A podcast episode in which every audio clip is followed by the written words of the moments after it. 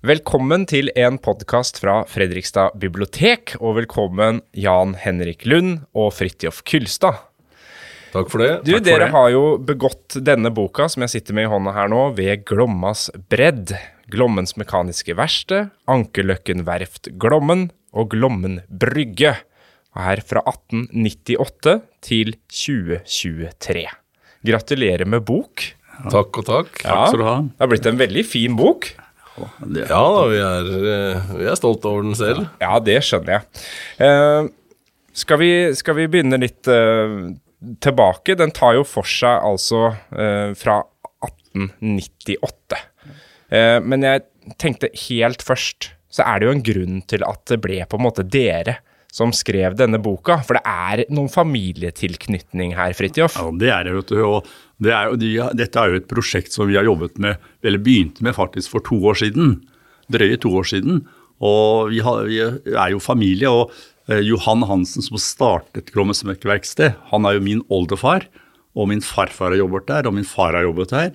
Og eh, Jan Henrik han er jo gift med min kusine, som eh, også har da familiære tilknytninger til dette her.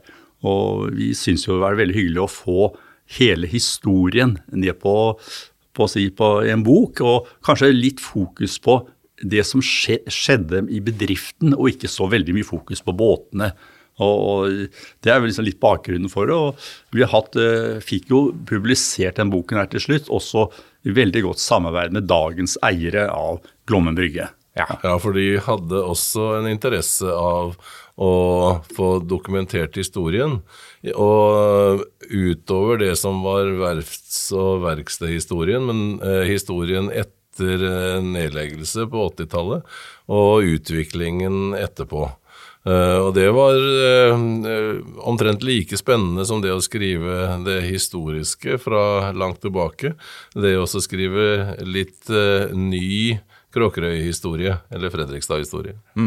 Og det er jo Vi må jo ta det litt fra starten, da. For det er jo området det er snakk om, er jo helt spesifikt der hvor Solveigs pizza eh, ligger i dag, og området rundt der. Men dere begynner ganske tidlig i boka. Dere har gått, en, dere har gått et godt stykke tilbake. Ja, det var eh, Vi tenkte vi greit å gi leseren litt bakgrunn for hvordan eh, utviklingen var i vårt område på 1800-tallet. Eh, Kråkerøy var en liten, nærmest isolert kystbygd. Eh, Med noen få sjeler som stort sett drev med landbruk. Eh, Og så skjedde det en rivende utvikling i andre halvdel av 1800-tallet. Eh, Først og fremst i forbindelse med at sagbruksprivilegiene i Norge ble opphevet i 1860. Og da spratt det opp sagbruk i Fredrikstad-området, for her var det god tilgang på tømmer, og så var det kommet dampmaskin som kunne drive sagene. Og eh, Så i løpet av noen få år så var det 16 eh, sagbruk i Fredrikstad-området. Disse sagbrukene trengte maskiner, eh, og de trengte eh, noen som selvfølgelig kunne lage disse maskinene, og så trengte de en masse arbeidere. Og det førte til at eh, Nordre Kråkerøy og forstaden, som det het den gangen, Vestre Fredrikstad, ble befolket i, i løpet av noen få år, faktisk. Så eh, bebyggerantallet på Kråkerøy tidoblet seg fra 1800 til 1900. Det er helt enorm befolkningsvekst. Ja. Altså, dere, dere skriver jo at det bodde på, på, på Nordre Kråkerøy 30 personer cirka på starten av 1800-tallet. Ja, tenk på det. Tenk deg hvordan det er nå. Ja da. Det er eh, voldsom utvikling. Og, eh, og så ble den eh, første store mekaniske bedriften anlagt i 1870. Det som vi nå kjenner som Fredrikstad Mekaniske Verksted. Eh, av eh, de som var gode til å produsere sagbruksmaskiner, nemlig Myrens Verksted i, Kristiania.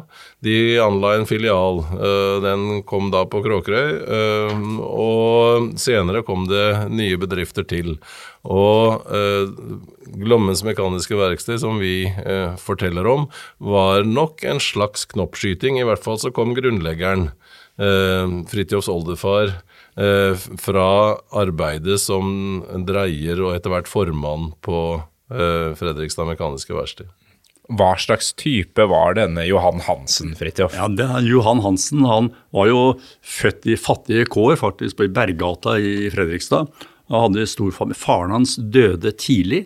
Han var også bjelkehugger på Isegran. Så allerede når han var 14 år, så begynte Johan Hansen på Fredrikstad verksted som dreierlærling.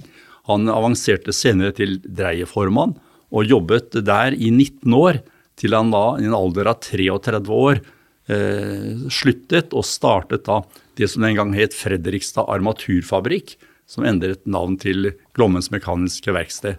Og det startet han da i 1898, på like før jul. Og allerede til sommeren så var bedriften operativ og fått opp smie og bygninger og begynte å levere eh, første rekke såkalt armatur eller reservedeler og utstyr til eh, bl.a. sikkert til Fredrikstad Mekaniske Verksted.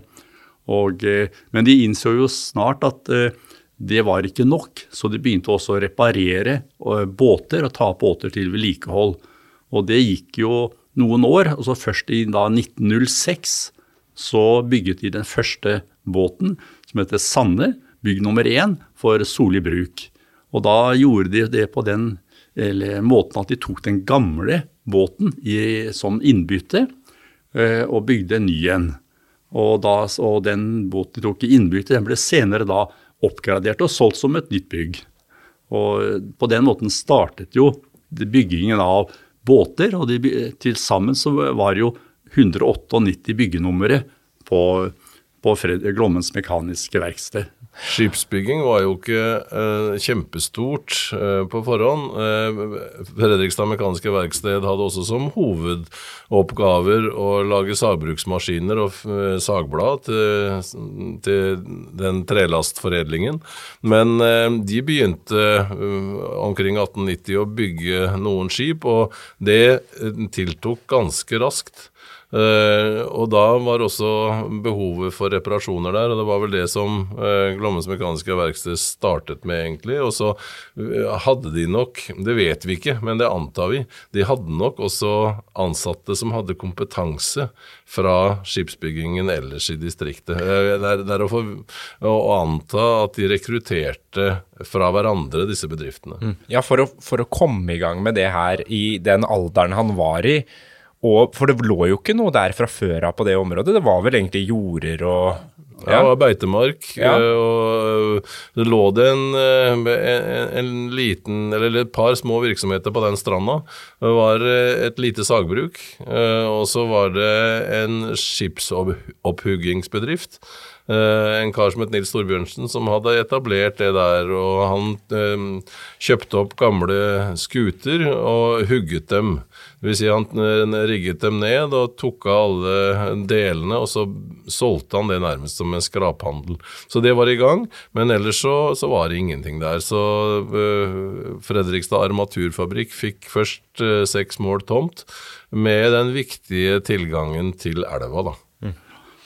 Og det var jo sånn at når de først begynte å bygge båter, så var det jo veldig mye av det de bygde, var for la oss si, tømmertransport og sleping og i forbindelse med på både elver og innsjøer.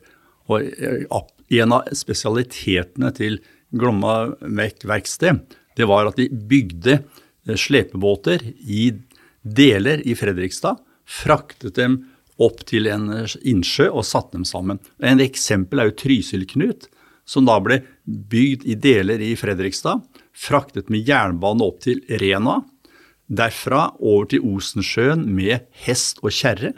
Eh, og så ble den da satt sammen, og gikk da allerede prøvetur allerede i mai måned samme året, i 1914. Og, og, dette var en spesialitet de hadde på mange, mange eh, den type båter.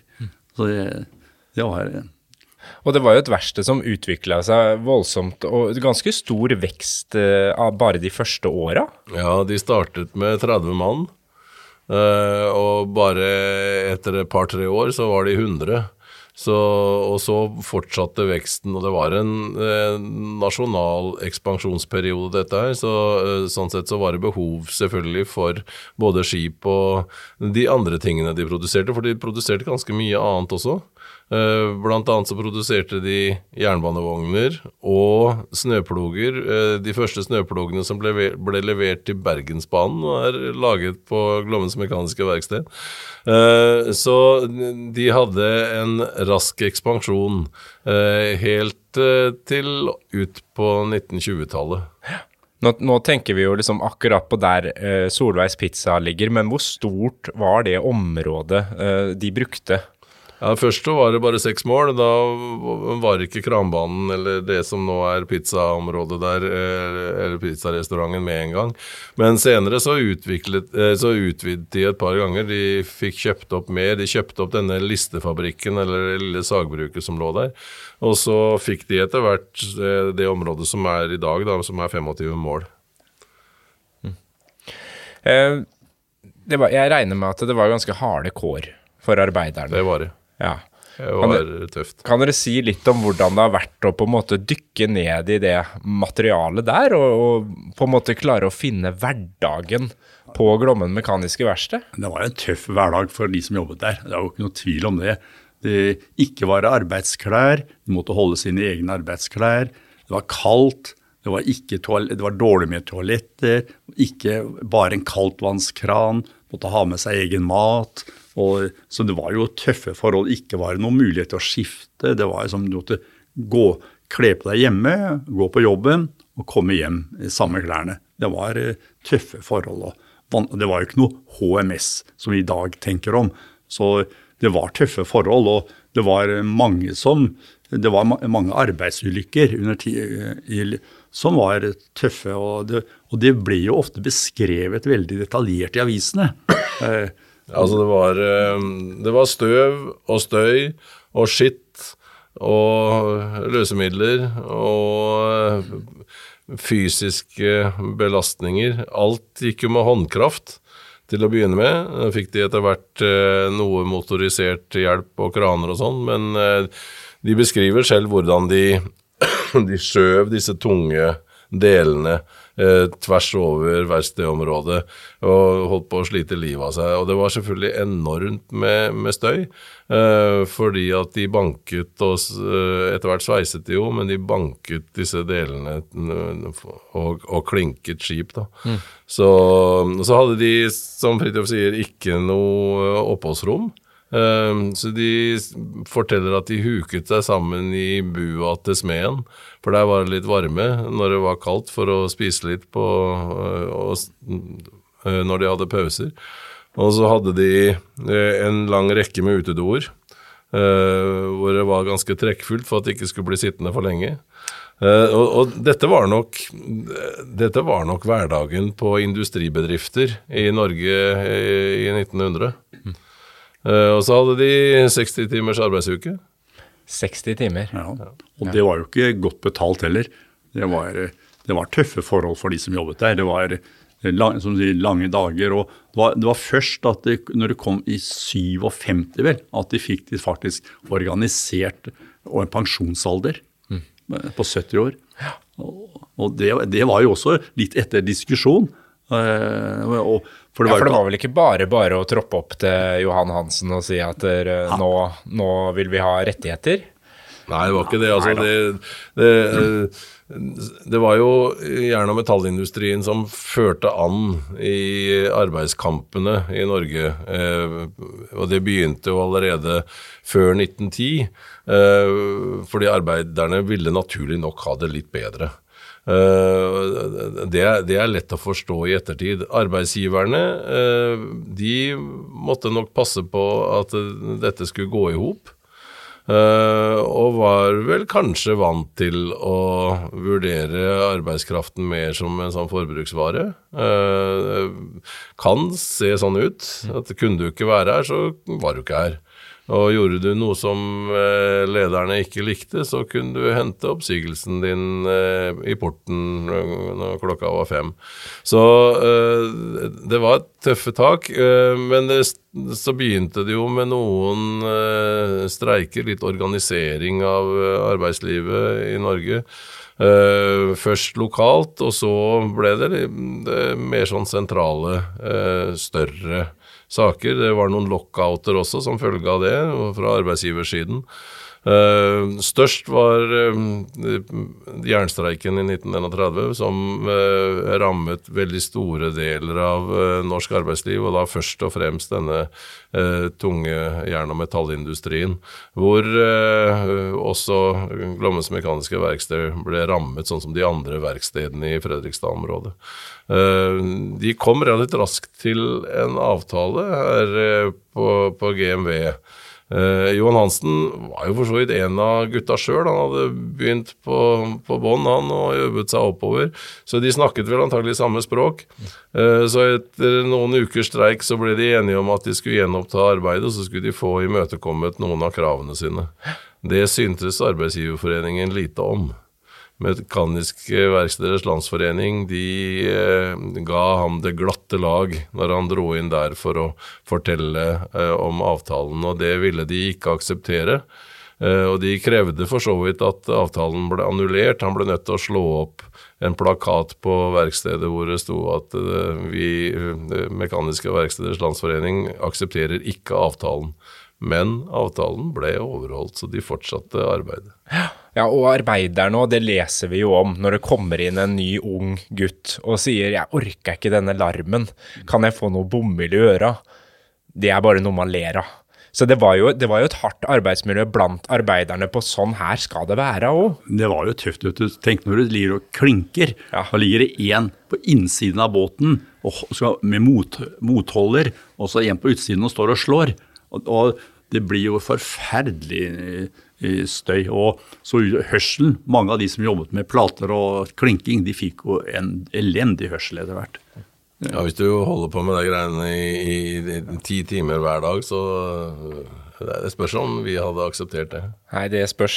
Og så har dere jo liksom dykka ned i avisene, da. Fredrikstads Tilskuer f.eks. i 1907, som skrev om en ulykke, og småledende sosialdemokrat 12. april i 1924, som skriver veldig detaljert om ja, rett og slett armer som blir revet av, og det er ganske det er skremmende hvordan pressen omtalte dette her i inngående detalj. Ja. Uh, og nærmest uh, der og da-beretninger om hvor uh, hardt det gikk utover enkelte. En som fikk en svær sak i hodet, og en som da fikk armene revet av, som du sier, og noen som kom i klem. Det, det, det er, men det, det, forteller noe om hvordan hverdagen var der. Uh, og også litt om dette med at uh, arbeiderne de måtte passe på seg sjøl. Det var ingen andre som gjorde det. Ja, og, og, det, og ikke minst også dette med løsemidler. Det var jo en, en, og maling det var jo en, et, en, utfordring. Det var et eksempel på uh, var en båt som lå inne til, til vedlikehold. Og skipperen på den båten og, og en til de gikk ned i, inn i tanken for vann og skulle male den med sånn spesialmaling innvendig. Og de følte seg veldig dårlig når de kom ut på dagen e-, etter ferdig. Skipperen går og legger seg, og neste morgen så hører de ikke noe fra han, så de går, bryter seg inn i lugaren hans. Og da er han helt bevisst, bevisstløs og blir sendt på sykehus og dør. Mm. Og det er jo rett og slett løsemiddelskader. Ja. Og det var jo sånne ting som han kanskje ikke var oppmerksom på heller, men det jo, hadde jo forferdelige konsekvenser. Og så kommer vi da til 1947 og det som blir beskrevet som tigerulykka. Den må dere ta oss igjennom. Ja, det er nok den største, eller mest omfattende arbeidsulykken som uh, Østfold har hatt. Uh, det var et, et tankskip som het Tiger, som tyskerne hadde brukt under krigen. Eh, og som trengte reparasjon og ombygging. Og det kom til kai på GMV eh, og skulle repareres. Og da var noen i gang med sveising inne i skipet. Og så var nok ikke tankene tømt ordentlig for olje og, og drivstoff. Uh, og så var det gasser der, og i forbindelse med sveising så må antagelig noen av disse gassene blitt antent. I hvert fall så oppsto det en kjempestor eksplosjon, og fem mann som var inne i skipet, omkom der og da. Uh, det var en del andre omkring på skipet uh, som heldigvis klarte seg. Det satt bl.a. en i masta Uh, aktermasta for å gjøre noe elektriske arbeider der. Han hørte at det var noe som suste gjennom lufta forbi den. Uh, og da var det, en luke, som, en dekksluke, som var festet, som fløy av som følge av trykket, og suste gjennom lufta som et frimerke. Og landa heldigvis uh, ikke på land, men et stykke nede i elva. Der ligger den ennå. Mm. Rett utafor her vi sitter nå, ved Rett biblioteket. utafor biblioteket. Rett utafor der, ja. Det er helt utrolig. Um, men uh, dere er jo inne på det. Under krigen. Glomma mekaniske verksted under krigen. Hvordan var det? Ja, det var jo et uh, det, det, det, som kanskje er mest uh, forunderlig med krigen, det var, at, det var hvor godt tyskerne var forberedt når de, når de kom og tok Norge. Ja. Vi har jo vært inne på Riksarkivet og sjekket masse dokumenter og sånn. Og det er jo helt utrolig å se at allerede få uker etter at de de tok Norge i 9. april, så sendte de ut eh, instrukser til samtlige verft i Norge at de ikke lenger hadde lov til å bygge båter uten at det var godkjent av tyskerne. Og de hadde da en stab inne i Oslo med ingeniører og, som da et, som fulgte opp dette her. Det var, så tyskerne var overraskende eh, veldig godt forberedt. Det tror jeg ingen, ingen var eh, klar over. Nei, de tok fullstendig styring helt fra starten av kom på inspeksjon øh, og ga eh, verftet øh, klar beskjed om at de ikke fikk lov å benytte beddingene til andre bestillinger enn de som tyskerne selv hadde. Og det hadde de jo så i løpet av de første par-tre krigsårene. Så bestilte uh, de tyske myndighetene syv forskjellige fartøy på GMV som de ble tvunget til å, å levere. Mm. Men der har dere en overskrift som er 'gå sakte'. Ja, riktig. Og det, det, var jo det at hvis du ser på byggetiden på de båtene før krigen og under krigen, så kan du nesten generelt si at det tok dobbelt så lang tid å bygge en båt under krigen som før krigen. Og Det sier jo litt om gode sakte-aksjoner, men det sier også eh, at eh, tyskerne måtte selv skaffe mye av materialet og maskinene. De fikk jo maskiner både fra Sverige og fra Tyskland for de båtene. Og eh, det var vel kanskje spesielt de første to-tre årene av krigen at de bygget båter. Så når det kom vel fra 43 og utover, så var det lite, for da klarte ikke tyskerne å skaffe materialer. De brukte nok det til andre, andre ting. Men det var også en ganske dramatisk brann eh, 42? Ja. Øh, i, på vinteren i 42 så oppsto det en brann, og da brant faktisk de største delene av verkstedet ned, altså verkstedbygningene. Uh, og uh, da trodde jo omgivelsene at dette var sabotasje. Uh, men det viste seg at det ikke var. Dette var en ung lærling som hadde fått beskjed å tine opp vannrør fordi at det var frosset, det var så kaldt. så han gikk løs på det med åpen flamme. Han antente veggen bak røra også, så brant det ned. Men eh, de fikk bygget opp igjen ganske raskt. I løpet av et halvt års tid så var de godt i gang igjen. Eh, til tross for at det var eh, kjempevanskelig å få tak i sement. Ja, men det sier jo noe om at uh, Glomme Mekaniske Verksted hadde en posisjon da, hvor, hvor man trengte den produksjonen. Ja, men, men det er også en ting som er spesielt med Glomma smekkverksted, og det er at det er faktisk det første verftet eh, i Nord-Europa som bygde helsveisede skip. Og det er, et, det er faktisk Det begynte allerede i 1924, hvor de anskaffet elektriske sveiseaggregater og begynte å sveise et andre, andre produkter. Eh, og de utdannet eh, folk til sveising i Belgia. Stort sett var det var en overingeniør, Arthur Andersen, som var han var vel den som ledet det an. Han hadde en bror som var sveiseformann, og han hadde tre sønner som alle var ingeniører og jobbet ved, ved verkstedet. Og alle var i Belgia og fikk utdanning til sveisere. Og det medførte at de allerede i, 19, ja, i 1937 begynte å bygge den første helsveisere tankbåten. Og det startet eh, nok en opptur igjen etter nedturene på, på 20- og 30-tallet. Og det, det var motortankeren Mylla, som da eh, ble bygd i 37-38.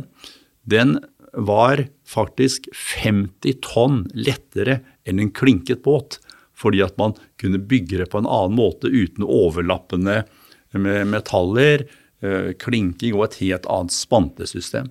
Så det, det var starten på, på, en æra for eh, verkstedet som varte langt ut i slutten av 50-tallet. Og det, man kan jo stille seg spørsmålet det var hva var det som gjorde at eh, et lite verft på Kråkerøy var det første i Nord-Europa som klarte å komme i gang med denne teknologien. Ja, du utvikla rett og slett nesten den, den nye teknologien der sjøl? Ja, og det var veldig mye takket uh, ingeniørene Andersen, familien Andersen. Ja.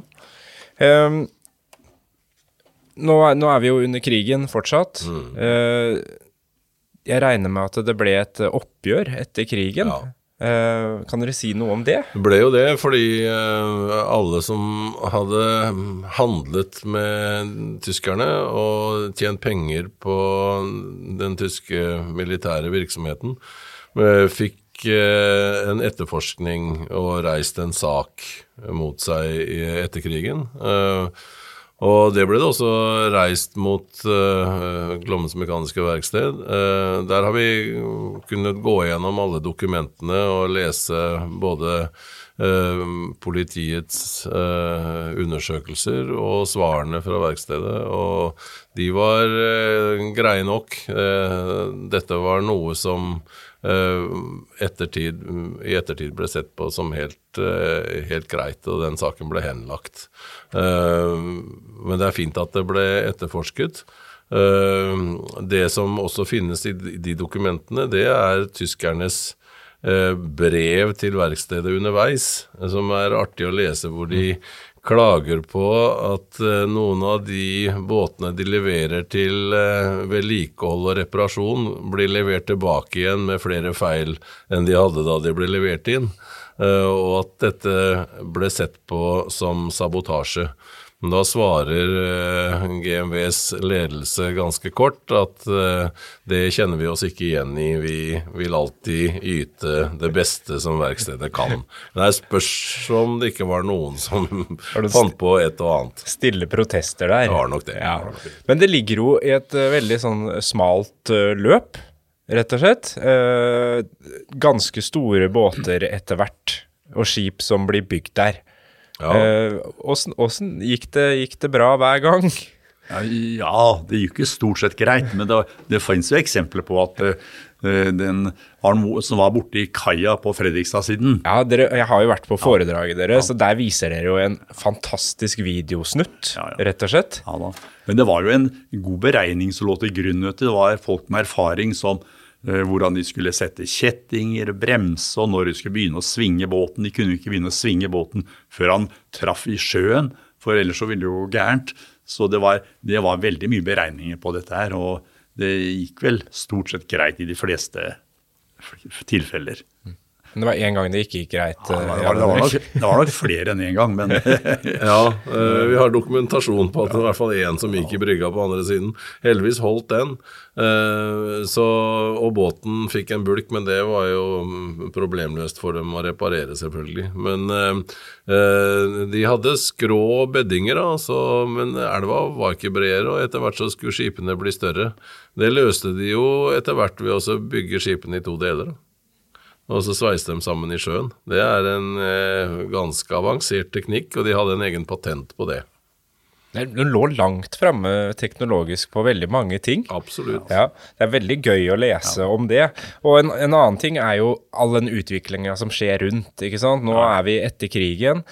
Det er ikke før i 57 at Kråkerøybrua kommer. Da har det vært bilferjer og sånn fram til det. Ja, ja, det eh, og det har også vært litt lenger bortafor samme område. Ja, Ja, du vet, og alle, Stort sett alle disse småfergene, både personferger og bilferger som ble brukt, ble jo bygget på Glomma. Og den bilfergen som dro over med kanskje to-tre biler, den eh, var jo i drift helt frem til broen ble åpnet i 57. Men det er klart det var et, eh, et fremskritt for Kråkerøy, og eh, også for verkstedvirksomheten der. Da var transport lettere. Før det så hadde elva vært transportveien. Eh, Og for så vidt viktig nok, men da, det gikk enda raskere og enklere over broa. Og det er fortsatt noen av båtene som ble bygd på det gamle Glommen mekaniske verksted som er bevart. Ja, det er en god del av de mindre sleipebåtene og varpebåtene som er bevart. Noen er fortsatt faktisk i drift også. Trysil-Knut har du jo nevnt. Fridtjof nevnte Trysil-Knut, og så er den, den som er mest kjent, eh, er nok Bitihorn, som går på Bygdin. Er bygge nummer 19, bygd i 1912. Eh, den eh, går faktisk i rute, eh, så bortsett fra Skibladner, så er vel den Norges nest eh, eldste rutegående fartøy. Og den ble faktisk også forlenget tidlig på 60-tallet, og da var det Glommens Mekaniske Verksted som gjorde det også. I sin tid så hadde jo den blitt fraktet i deler med jernbane til, eh, til Fagernes, også med hest og vogn opp til Bygdin, og så var gutta der oppe og monterte den og satte den i gang. Men det, det viser også hvor raskt de jobbet, fordi at de fikk denne ordren i månedsskiftet februar-mars. Og allerede 17. juli samme året så gikk den da eh, overleveringstur på bygden. Det var, eh, så de gutta var flinke, og de var raske. Mm. Og så skal vi bevege oss over i liksom neste eh, fase, da. Eh, For nå har vi kommet til 1966, og da eh, skjer det noe. Ja, det var en eh, nedgangsperiode for norsk skipsindustri eh, på tidlig 60-tall, og også for Glommens Mekaniske Verksted. Eh, de hadde få bestillinger, og, men hadde den arbeidsstokken som de ønsket å bevare, og de så seg om etter eh, nye eiere. Og det fant de. Ja, og det var jo Ankerløkken-konsernet som kom inn og overtok. og de, eh, eh, Det ble jo satt da fra selgernes side en klar betingelse. Det var at alle ansatte skulle få jobb i det nye selskapet, Ankerløkken. Og så, sånn ble det. Alle fikk eh, da ansettelse videre i det så Jo- ja, Johan Hansen hadde da vært leder i hele perioden. Nei, Johan Han Hansen døde i han, 37. Han døde i i 37. 1937. Og Så det var jo hans eh, sønn, sønn og sønnesønner som drev det videre. Ja, ja. Så familien eide det da helt til 66. Så ble det solgt, og, men med det de ønsket at arbeiderne skulle få fortsette, og det gikk Ankerløkken med på, for de hadde ønske om å, og gjorde også, bygge skip videre. Men de stilte et krav til Kråkerøy kommune, og det var at de skulle få lov til å utvide eh, verftsområdet, slik at de kunne bygge en ny bedding som eh, gjorde at de kunne slippe store båter ut i Isegranbassenget. Der er det jo plass nok, helt bort til eh, Østerelva. Eh, men det krevde at eh, hele boligområdet sør for verkstedområdet ble ekspropriert, og at boligene der ble fjernet. Så det er hele Smertu-området, der hvor ferjeleiet til Smertu ligger nå. Helt bort til Prestgårdsveien og Smertu fergeleie. Ja. ja, og det var jo Fredrikstad kommune, nei, sorry, Kråkerøy kommune var jo veldig imøtekommende. Og de ordnet jo alt dette her i løpet av 14 dager. Så, øh, så da, men så, du kan jo, så kom jo videre, så øh, det, det, heldigvis så skjedde det jo ikke. For det skjedde jo en del ting i ettertid som gjorde at det ikke ble noe av det. Vi vet jo ikke helt hva som har skjedd, vi har prøvd å finne ut. Men eh, Industridepartementet kom på besøk, så på forholdene, hørte om ekspropriasjonsplanene, dvs. Si de hadde fått søknaden fra Krøkerøy kommune. Og Så gikk det et par-tre uker, og så kom det beskjed fra Ankerløkken-konsernet om at eh, utbygging på Kråkerøy ville likevel ikke finne sted. De skulle utvide i Florø isteden, hvor de allerede hadde et verft. Så det kan hende at departementet eh, hadde funnet det politisk for vanskelig. Og vi får vel takke for det Det kom noen signaler, kanskje. Kanskje. Ja, kanskje. Ja, kanskje. kanskje. Eh, men, men hvordan gikk det da videre med Ankerløkken? Ja, de drev jo eh, relativt eh, stort i dag. De hadde mye bestillinger, og de var vel flinke til å produsere også. Så de bygde skip i serier for både innenlandske og utenlandske aktører. Eh, Det de sleit litt med, var ledere. Ja. Og så, så var det jo sånn at eh, når det bygges så store båter, og var konkurranse om å få kontrakter, så var jo finansieringen alltid en utfordring. Og veldig ofte så var det sånn at eh, verftet måtte garantere for deler av lånebyggesummen eh, overfor långivere. Og det, det, det var jo det som til syvende og sist den var den utløsende årsaken til at verftet gikk konkurs. Eh, hvor det var da en, eh, to båter, asfalttankere, som da ikke klarte å innfri låneforpliktelsene. Båtene kom til Kråker, lå der en stund og ble solgt til en, en veldig lav pris. Og da ville ikke Ankerløkken heller backe opp eh, dette, og selskapet ble, ble slått konkurs. Så i 83 så er på en måte det verfteventyret som vi har blitt kjent med nå, over. Da er det over. Ja, Og hva, hva, skjer, hva skjer da på området? Nei, da blir eh, området eller verkstedet lagt ut for salg. Og Kråkerøy kommune ønsket at det skulle fortsettes med industriell virksomhet der. Eh, og uh, det var ikke kjempestor interesse for å kjøpe det, faktisk. Men det var to uh, relativt driftige uh, Fredrikstad-menn, Kai Pedersen og Odd Hansen, som allerede drev industriell virksomhet i Fredrikstad-området på flere steder. De kjøpte området og ønsket å fortsette noe virksomhet leie ut. Og, og eh, både bygningene som var der, og, og selve verftsområdet. Men hva slags planer hadde de egentlig? Ja, det er litt vanskelig å si om øh, øh, De brukte nok litt tid på å tenke seg om, og så fikk de med seg noen øh, samarbeidspartnere. Det kom en gruppe investorer fra hovedstaden. Eh, og de ville gjerne allerede da, midt på 80-tallet, gjøre dette området til et sånt handels- og hotell- og eventområde. Og ville bygge Østfolds største hotell og ville lage en glasskuppel som skulle dekke 1,4 mål der. Og eh, som skulle dekke hele området. Så eh, det var store planer. Det ble det ingenting av, for det kom en finanskrise i 87 som satte en stopper for den virksomheten.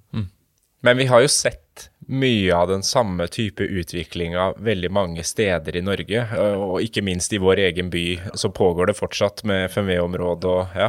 ja du, du, du ser jo dette her i mange byer rundt Oslofjorden, den samme sånn, utviklingen. Så, men det var, et, det var jo interesse for dette her, men de klarte jo heller ikke å, å komme noe videre med det med å drive industri der. Nei. Nei, industri ble det jo ikke noe mer av. eh, og da var vel også eh, tiden gått fra det å drive tungindustri midt i et bysentrum. Uh, slik at utvikling til et forretnings- og handelssentrum uh, var nok det som uh, det lå til rette for, og det har vi jo sett. Men det tok litt tid. Uh, Glomme brygge ble først utviklet eh, fra midt på 90-tallet. Eh, da ble noe av bygningsmassen revet. Eh, og så fikk man åpning mot Kråkerøyveien, og så fikk man etablert en stor matvarebutikk. Og så kom etter hvert treningssenter, og så ble det forskjellig annen type virksomhet.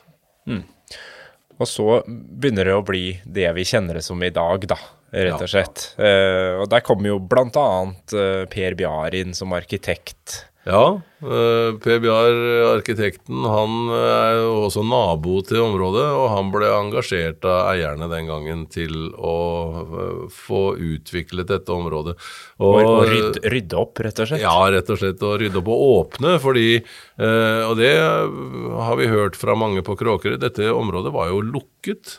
Det var ikke tilgang til elvebredden, selvfølgelig, fordi det var et industriområde. Men det ble anlagt i samarbeid etter hvert også med Fredrikstad kommune, som det var blitt i mellomtiden, en gangsti Eh, og laget beplantning langs elvebredden og, og, ryddet opp og forskjønnet. Og gjorde det til et attraktivt område, sånn som det er i dag. Har jo bl.a. en stien som går forbi der nå, som veldig mange bruker eh, både når de skal på butikken, holdt jeg på å si, men også som turområde da, langs elva. Det, det fremstår i dag som et veldig attraktivt og flott område, både for å kunne gå turer og og utnytte det. Mm. Men i arbeidet deres, hvordan har det vært med bevaringa? Hvilke spor kan man gå og se? Det lå jo en restaurant der som het Kranbanen. Eh, nå er det Solveigs Pizza. Du ser jo noen spor. Ja, det er jo relativt lite igjen av den eh, verftsdelen. Uh, beddingene ligger der fortsatt, men de er uh, fylt igjen, og det er litt sånn grøntarealer faktisk på noe av det. Og så er det vel parkeringsplass på noe av det andre. Uh, og bygningene er jo dels bygget om, de store sveisehallene og sånn er bygget om til forretningsarealer og treningssenter. Så det er ikke så veldig mye igjen av, av tungindustrien. Men områdets sjarm er jo der fortsatt. Åssen er det å gå der uh, med alt det her i tankene, når dere har liksom dykka ned i det her, og rusler langs den stien nå? Jeg syns det er utrolig flott å gå der og, og se hvor fint området er blitt. Det syns jeg er I hvert fall syns jeg det er veldig, veldig hyggelig. Ja. For nå er det Sørli som, uh, som eier området? Ja, det er uh, familien Sørli med Bernt og Hilde og Bernt Sondre som, eh, som eier eh, både det som var eh, Glommens Mekaniske Verksted, og så har de i tillegg kjøpt området på andre siden av Kråkerøveien, som var for så vidt konkurrenten med Kråkerøy Super, der nå Kiwi er, og en bygning til. og alt har blitt til Glommen Brygge AS, og de tar godt vare på området. Mm det er, det er, jo På slutten av boka her så får man liksom et sånn oversiktsbilde som sier veldig mye om den enorme utviklinga uh, i løpet av liksom 100 år. Ja, Når du sammenligner det med det første bildet fra ja. 1900, så ser du at dette har blitt en helt annen verden. Ja. ja. Og, og, Kråkerøy har jo også blitt en helt annen øy, på en måte. Vi ser jo nå en voldsom ekspansasjon på, på Fredrikstad Mekaniske Verksted og det gamle området der. Eh, hva, hva, tenker dere som har bodd og levd på Kråkerøy hele livet, om, om utviklinga der? Men, men du tenker at når på det meste så jobbet det 400 mann på verkstedet. I dag så jobber det minst 400 på samme område, med helt andre ting. Og det tilsvarende er vel på det store Fredrikstad MEC, som eh, hadde 2500 eh, ansatte. Eh, etter hvert så vil det vel jobbe flere ganger det, og, og, kanskje bo flere ganger det også der. Så, men det er jo For det første er det veldig fint at ikke vi har tungindustri midt inne i Fredrikstad sentrum og på Glommas bredd, men at eh, det i tilfelle befinner seg andre steder. Og så er det hyggelig at uh, områdene tas vare på uh, og bygges ut nennsomt uh, uten altfor voldsomme inngrep. og så går det an å diskutere, men for området som vi har beskrevet ved Glommens bredd, er det etter våre begreper en, en god utvikling. Mm. Det er jo noe med å liksom bevare det, det beste, men samtidig være åpen for litt uh, utvikling. Da. Jeg syns det var morsomt å lese om han Henry Brenneren, ja. som dere bruker som kilde. Og han får jo spørsmål om det. Hva tenker du nå når det skal liksom bli et helt nytt område? Nei, blir sikkert bra, det, sier han. Altså, han, han tok det med klinkende ro. Men uh, sånne kilder òg må jo være veldig morsomt å, å, finne. Ja da, det har vært morsomt å, å gjøre all researchen, selvfølgelig. Uh, og selv om det er litt tidkrevende, så er det veldig interessant. Og helt til slutt i boka så har dere jo liksom et eh, båtregister, da. Det er jo som dere sier, det er ikke en båtbok, men, eh, men den favner jo veldig bredt. Både Kråkerøys utvikling, industrihistorien, arbeiderne og lederne som jobba på området. Og så har man da en oversikt over eh, det imponerende arbeidet som har blitt gjort. Altså, det er jo det er ganske omfattende båtbyggeri eh, som har skjedd rett over elva for her vi sitter nå. Det har jo det, og det er jo interessant å ha en sånn oppslagsverk som, eh, over båtene. Det, de kunne jo nesten vært skrevet historie om hver enkelt bok. Eller unnskyld, hver, hver enkelt båt. Det er jo, eh, så det er jo en uh, fint oppslagsverk, da, mm. si.